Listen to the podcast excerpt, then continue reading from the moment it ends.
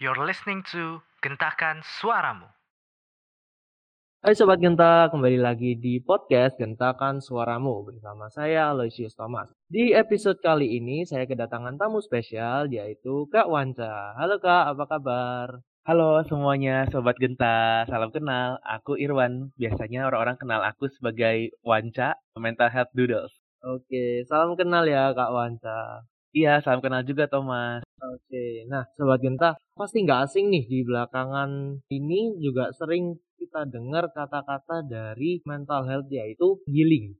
Pastinya Kak Wanca juga sering nih dengar kata-kata Iya, Sering banget orang pakai di sosmed atau di TV dan lain-lain. Iya, benar banget Kak. Nah, ini kan kata-katanya mungkin lagi trending gitu ya di sekarang. Nah, salah satu alasan masyarakat mengatakan kata pada kutip healing ini adalah karena masyarakat sering mengalami burnout, yaitu kondisi kelelahan dan kejenuhan secara mental, fisik, ataupun emosional. Tapi menurut Kak Wanca sendiri ini kata healing ini apa sih Kak maknanya? Oke, kalau misalnya ditanya ke aku arti kata healing itu apa, sebenarnya dari bahasa Inggris ya, yang artinya sebenarnya menyembuhkan atau mungkin penyembuhan. Nah, kalau kita ngomongin soal penyembuhan, berarti ada satu kondisi yang nggak biasa nih, yang nggak baik-baik aja dalam diri kita, yang tentunya perlu kita perbaiki atau perlu dikembalikan sehingga ya bisa jadi baik-baik aja dan seperti biasanya lagi. Tentunya healing juga nggak terbatas nih teman-teman dari kondisi mental saja, tapi juga secara fisik, secara emosional, dan juga mungkin secara spiritual juga ya, gitu. Oke, jadi healing ini sebuah proses pemulihan gitu ya Kak ya dari suatu Mm-mm. kondisi yang tidak baik-baik saja gitu. Mm-mm, betul. Selain itu, Kak, akibat penggunaannya yang cukup sering nih di masyarakat, banyak orang juga yang sering menyalahartikan kata healing ini. Bahkan ada yang berpendapat nih, seorang yang melakukan healing itu dianggap bermental lemah gitu. Karena mungkin ya dikit-dikit healing, dikit-dikit healing gitu. Nah, lantas apakah healing ini adalah hal yang wajar dan bermanfaat, Kak? Kalau ngomongin soal wajar dan bermanfaat, jelas pasti bermanfaat dan wajar gitu. Karena setiap orang itu kan pasti nggak selalu dalam kondisi baik-baik aja ya. Pasti ada saat-saat di mana mungkin kita lagi merasa down, kita lagi merasa stres, kita lagi merasa panik atau sedih gitu ya.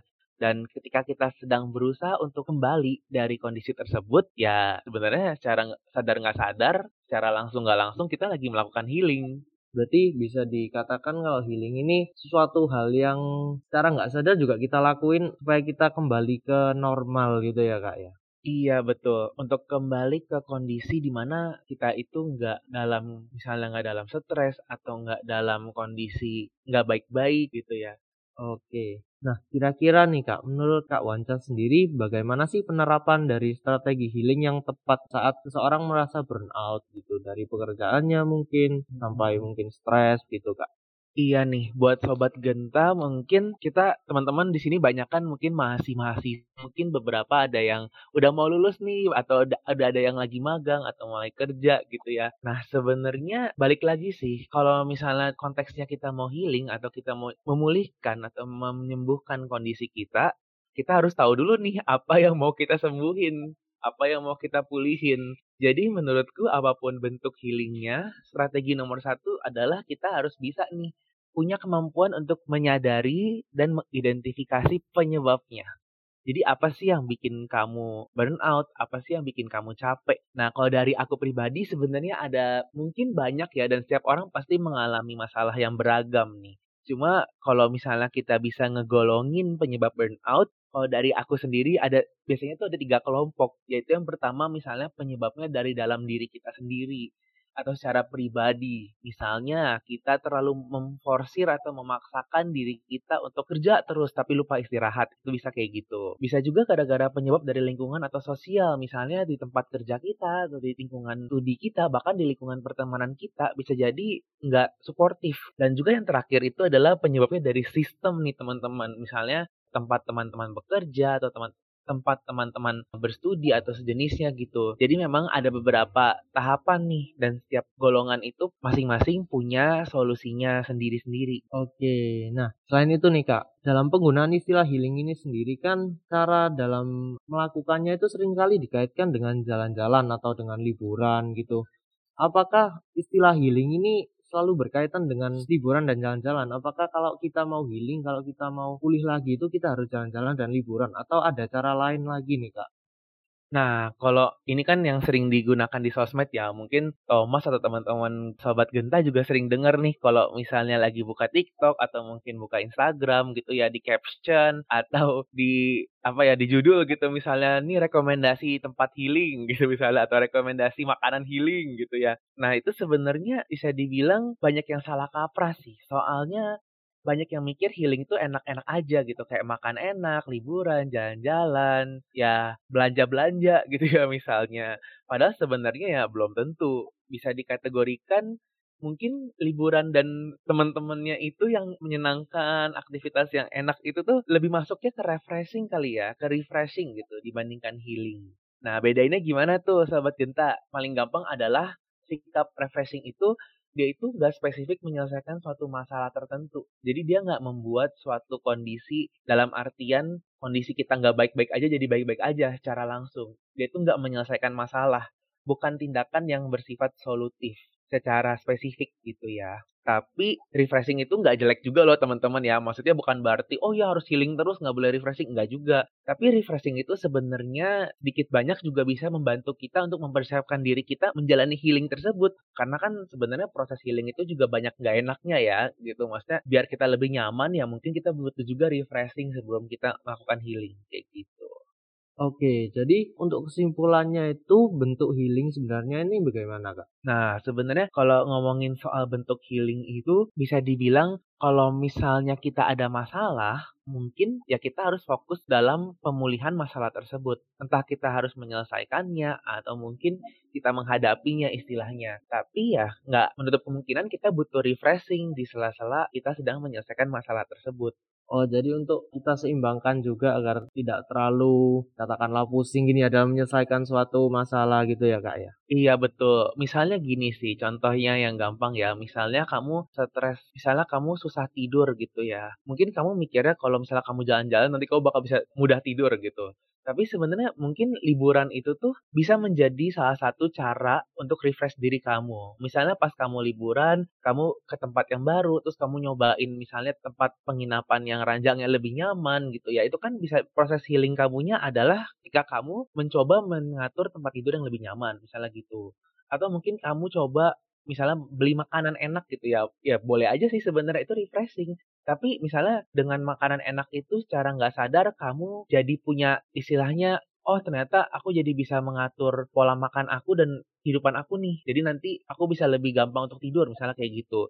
Jadi secara nggak langsung sebenarnya refreshing itu juga ada pengaruhnya. Tapi yang itu yang dianggap healing. Tapi yang beneran menyelesaikan masalahnya itu justru terabaikan gitu.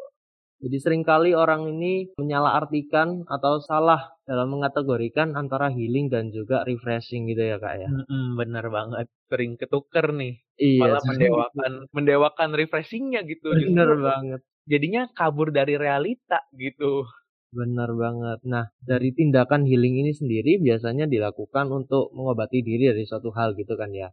Mm-mm. Namun tidak dapat dipungkiri juga suatu hal tersebut itu tetap ada kalau kita nggak melakukan atau penyelesaian masalah tersebut. Lantas apakah healing ini dapat dijadikan jalan instan untuk melarikan diri dari kenyataan atau kita tetap harus bisa menghadapi suatu masalah tersebut, Kak? Nah, ini nih, balik lagi sebenarnya healing setiap orang itu kan beda-beda ya. Mungkin ada orang yang dengan kondisi dia saat ini dia dalam tanda kutip healingnya bisa cepat, tapi ketika kita cobain ke diri kita, loh kok nggak berhasil ya? Nah itu sebenarnya wajar aja sih kalau misalnya setiap orang tuh punya cara healingnya masing-masing. Kembali lagi, apa masalah yang dihadapi sama mereka? Lalu terhadap masalah tersebut, bagaimana ketahanan fisik dan mental kita gitu dalam berusaha untuk menyelesaikannya. Karena dari dua hal itu udah bisa jadi pembeda tuh apa masalahnya dan bagaimana kondisi kita saat ini. Nah, tapi kalau misalnya dibilang healing itu lari dari kenyataan, menurutku justru kebalikannya sih. Justru healing itu malah mendekatkan kita dengan kenyataan gitu. Jadi kita yang awalnya mungkin refreshing itu karena dia nggak solutif, jadinya kita nggak menyelesaikan si masalahnya, kita kabur dan tanda kutip, kita nggak beresin apa yang sedang kita hadapi itu. Dan kalau misalnya kita menyikapinya nggak bener lagi nih, kita nggak sabar, kita nggak konsisten, kita malah melupakan si masalah itu padahal masalahnya ada, yang ada nggak selesai-selesai. gitu ya. Tapi kalau misalnya tadi si refreshing itu kita gunakan sebagai penyemangat untuk kita bisa berani melakukan healing, justru kita malah jadi berani untuk menghadapi kenyataan lagi. Dan kita akan bisa uh, menelaah nih, kita bisa melihat lebih dalam. Sebenarnya apa sih yang saat ini nggak baik-baik aja dalam diri aku, baik secara fisik, secara mental, dan lain-lain. Karena kamu lagi ada sakit badan kah? Atau mungkin kamu lagi ada perasaan gak nyaman kah sama diri kamu sendiri atau sama lingkungan kamu dan lain-lain. Atau sama apa yang sedang kita kerjakan kan bisa aja ya. Dan dari sana healing itu mendekatkan kita dengan kenyataan bahwa suka nggak suka pasti ada masalah yang mungkin nggak bisa kita ubah, nggak bisa kita kendalikan, tapi ada juga yang bisa kita ubah dan bisa kita kendalikan. Jadi menurutku healing itu yang tepat ya dan yang dalam kadar yang cukup sesuai dengan kebutuhan kita itu akan melatih kita untuk bisa menerima apa yang nggak bisa kita ubah, memperjuangkan dengan berani apa yang bisa kita ubah, apa yang bisa kita usahakan dan proses-proses ke depannya dan juga memberikan kita semacam apa ya bukan kayak kebijaksanaan gitu sih. Jadi kayak apa yang bisa kita kendalikan sama apa yang nggak bisa kita kendalikan.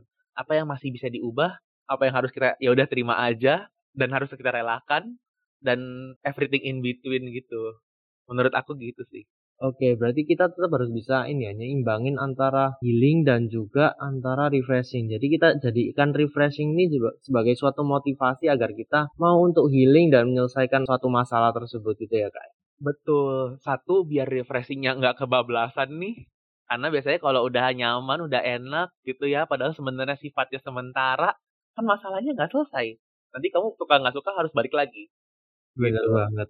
Nah itu harus dibatasin. Salah satunya dengan cara ya menggadikan refreshing itu sebagai pendorong atau penyemangat kita buat healing. Oke, kalau gitu next aku punya ini nih kak, punya analogi nih. Mm-mm. Untuk Sobat Genta juga bisa ini ya, menganalogikan misal ada contoh kasus, misal ada mahasiswa nih berusia 21 tahun yang merasa ia dihujani oleh begitu banyak materi dan tugas pada semester 1. Kemudian ia berasumsi kuliah itu memperburuk kesehatan mentalnya. Nah, lantas ia berniat untuk healing dengan mengambil cuti kuliah selama enam bulan. Nah, dari keputusan untuk healing dari mahasiswa ini menurut Kak Wanca gimana nih? Apakah healing dari mahasiswa ini langkahnya benar atau malah memperburuk suasana dan situasi gitu Kak? Hmm, sebenarnya aku mikirnya lebih ke ini sih. Ini menurut opiniku pribadi ya. Jadi nggak belum tentu benar, belum tentu salah gitu. Tergantung balik lagi ke kondisinya nih. Tapi kalau dari analogi ini, mungkin aku mikirnya tergantung sih. Tergantung dengan selama cuti itu apa yang si mahasiswa itu lakukan. Jadi sebenarnya cuti itu adalah suatu hak ya. Jadi sebenarnya memang aku nggak bisa nge dan kita semua nggak bisa ngejudge nih sobat genta ya. Misalnya kayak Betul. dia cuti enam bulan, karena kita nggak tahu apakah beneran dia butuh itu atau sebenarnya dia cuma excuse kita nggak tahu. Yang tahu si mahasiswa itu sendiri. Jadi jangan buru-buru kita judge, ih dia mah males gitu kan atau ih dia mah itu. Aku tahu nih karena aku juga pernah kayak gitu. Maksudnya kayak kalau misalnya, ih mungkin kenapa sih dia kena masalahnya sebesar itu ya kayak gitu. Nah sebenarnya mungkin di even kita udah tahu nih masalahnya apa gitu ya ya setahu-tahunya kita ya tetap aja nggak mungkin sepaham si orang itu sendiri ya, sih mahasiswanya jadi ya pada akhirnya ya mungkin di kita kelihatannya kayak kecil gitu ya. Tapi pas kita sendiri ngalamin gitu ya atau yang sekarang si mahasiswa itu sedang alami ya bisa jadi itu besar buat dia gitu. Dan kita harus bisa memosisikan kaki kita di sepatunya dia gitu. Jangan cuma di kira aja gitu. Itu satu sih kalau dari ngejudge dari sisi orang lain. Tapi kalau misalnya aku sebagai si mahasiswanya aku tuh akan menentukan dulu selama cuti ini apa yang lakukan. Kalau cutinya dipakai buat dalam tanda kutip healing healingan itu yang jatuhnya sebenarnya refreshing tapi nggak menyelesaikan akar masalahnya bahkan disentuh aja kagak tuh. Jadi coba isinya li misalnya liburan atau mas-masan main game gitu ya wih gitu. Tapi nggak menemukan jawaban akan apa yang membuat dia merasakan begitu banyak hal tersebut selama dia kuliah gitu ya. Misalnya kayak masalah stres tugas dan lain-lain. Dan nggak menjawab asumsinya dia nih bahwa kuliah memperburuk kesehatan mentalnya gitu. Apa yang memperburuk gitu kan dia nggak menjawab itu ya pada akhirnya jadinya cuma kabur aja ya dia nggak mendekatkan dengan kenyataan ya dia lari dari kenyataan jadi memang balik lagi sih kecuali mungkin dia selama dia cuti ya adalah refreshing ya kalau nggak ada refreshing juga agak sayang nih gitu ya refreshing boleh gitu ya nggak apa-apa tapi ya sedikit banyak juga misalnya gini oh apa sih yang nyebabin aku nggak cocok sama kuliah ini kan di sini semester satu nih ceritanya ya. Mungkin dia mikir kayak apa sebenarnya passion aku bukan di jurusan ini.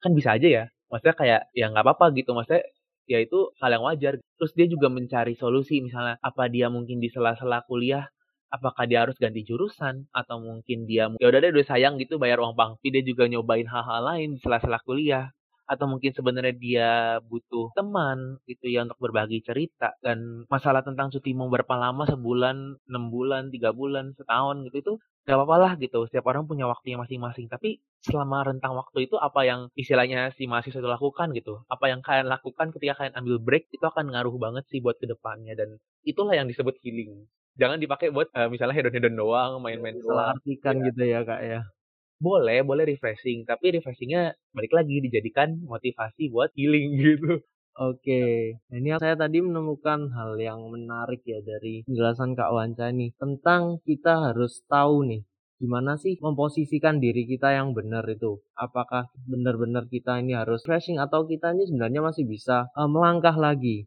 Nah, yang menarik ini bagaimana sih Kak kita bisa tahu kalau kita ini udah memilih langkah yang benar? Apakah saya ini butuh healing sungguhan atau enggak sih? Atau saya masih bisa nih melangkah gitu Kak? Gimana cara kita bisa tahu kalau langkah yang kita ambil ini benar Kak? Oke.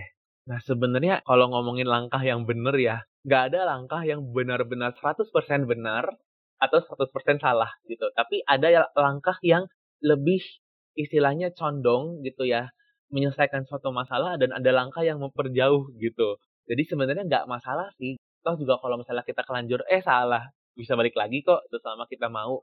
Nah, aku mau ingetin juga nih teman-teman sobat genta nih. Dalam proses healing itu juga nggak berarti walaupun kita healing diri kita sendiri, nggak berarti kita harus menghadapinya sendirian gitu ya. Jadi nggak harus nih kayak misalnya ya udah deh ini masalah aku kan ya udah aku hadapin sendiri gitu. Itu nggak nggak harus kayak gitu nggak sekaku itu kok. Orang refreshing aja kita jalan-jalan sama teman-teman kenapa kita healing nggak bisa sama teman-teman juga dan mungkin kita juga harus tahu nih tanda-tanda mungkin ya buat sobat genta yang sempat mengalami stres atau mungkin burnout terhadap kuliah, mungkin misalnya dunia kerja, misalnya dunia magang dan lain-lain itu harus dicari tahu juga sih kayak misalnya udah sampai mana. Dan cara cari tahunya adalah yang pertama kita lihat dulu ada nggak nih perubahan kebiasaan-kebiasaan yang sering kita lakukan sehari-hari? Dalam konteks jadi ada kebiasaan buruk ya misalnya susah tidur. Terus misalnya juga kayak badan kurang sehat terus sering sakit kepala atau mungkin nggak lesu nggak bersemangat itu misalnya dari ciri fisik gitu ya atau mungkin cara perasaan juga jadi nggak bergairah, nggak semangat buat belajar atau kerja atau mengerjakan sesuatu. Nah itu juga bisa teman-teman ulik lagi nih. Kalau misalnya sangat mempengaruhi aktivitas sehari-hari teman-teman, ya ada baiknya mungkin ya teman-teman bisa konsultasi ke ahli, misalnya ke psikolog atau mungkin ke psikiater. Kalau uh, menurutku pribadi sih nggak ada salahnya sih kita untuk ngecek gitu ya toh juga pada akhirnya kalau misalnya oh enggak kok enggak kenapa-napa atau mungkin masih ringan gitu bisa ditangani sendiri ya nggak apa-apa. Jadi kita punya guidance dari orang lain yang istilahnya kalau sama temen kan kita kadang mungkin curhat tapi kita belum bisa benar-benar dapat jawaban yang lengkap ya walaupun tidaknya kita bisa cerita ke orang lain. Tapi mungkin dengan bantuan profesional juga bisa ngebantu teman-teman untuk istilahnya lebih tahu diri teman-teman lebih dalam. Oke, jadi kita tetap harus bisa introspeksi diri dan mengira-ngira gitu ya. Kira-kira iya. kita mau apakah langkah kita sudah benar dan toh kalau kita salah, bukan salah sih. Semua hal yang kita pilih ini tidak ada yang salah dan juga tidak ada yang benar. Jadi ada plus minusnya dalam setiap langkah yang kita Betul. pilih gitu. Hmm. Oke, terakhir nih Kak. Oke. Setiap orang kan punya caranya masing-masing ya untuk memulihkan diri. Hmm. Nah, lantas bagaimana cara menemukan metode self healing yang tepat dari setiap orang tersebut? Kira-kira Kak Wanca punya tips and trick gitu bagi mereka okay. yang ingin melakukan healing? Oke nih teman-teman mungkin sedikit sharing apa ya kayak tips dari aku ya tapi ini sebenarnya bukan tips yang bisa diterapkan ke semua orang sih. Teman-teman boleh coba, tapi bisa jadi efektif di kamu, bisa juga enggak. Cuma menurut aku kita perlu sadar dulu bahwa setiap orang masalahnya beda-beda. Jadi kebutuhan healingnya juga beda-beda. Ada misalnya aku healing dengan cara jalan pagi aku merasa segar. Tapi ada juga orang lain yang malah bete gitu, aduh capek dan lain-lain. Itu bisa aja. Nah, jadi tetap perlu ningkatin dulu nih yang namanya self awareness terhadap diri teman-teman. Jadi teman-teman harus punya kesadaran penuh sama apa yang teman-teman suka, apa yang teman-teman gak suka, apa masalah yang teman-teman hadapi, termasuk juga ngelihat mungkin lebih ke ngelihat masa lalu teman-teman nih.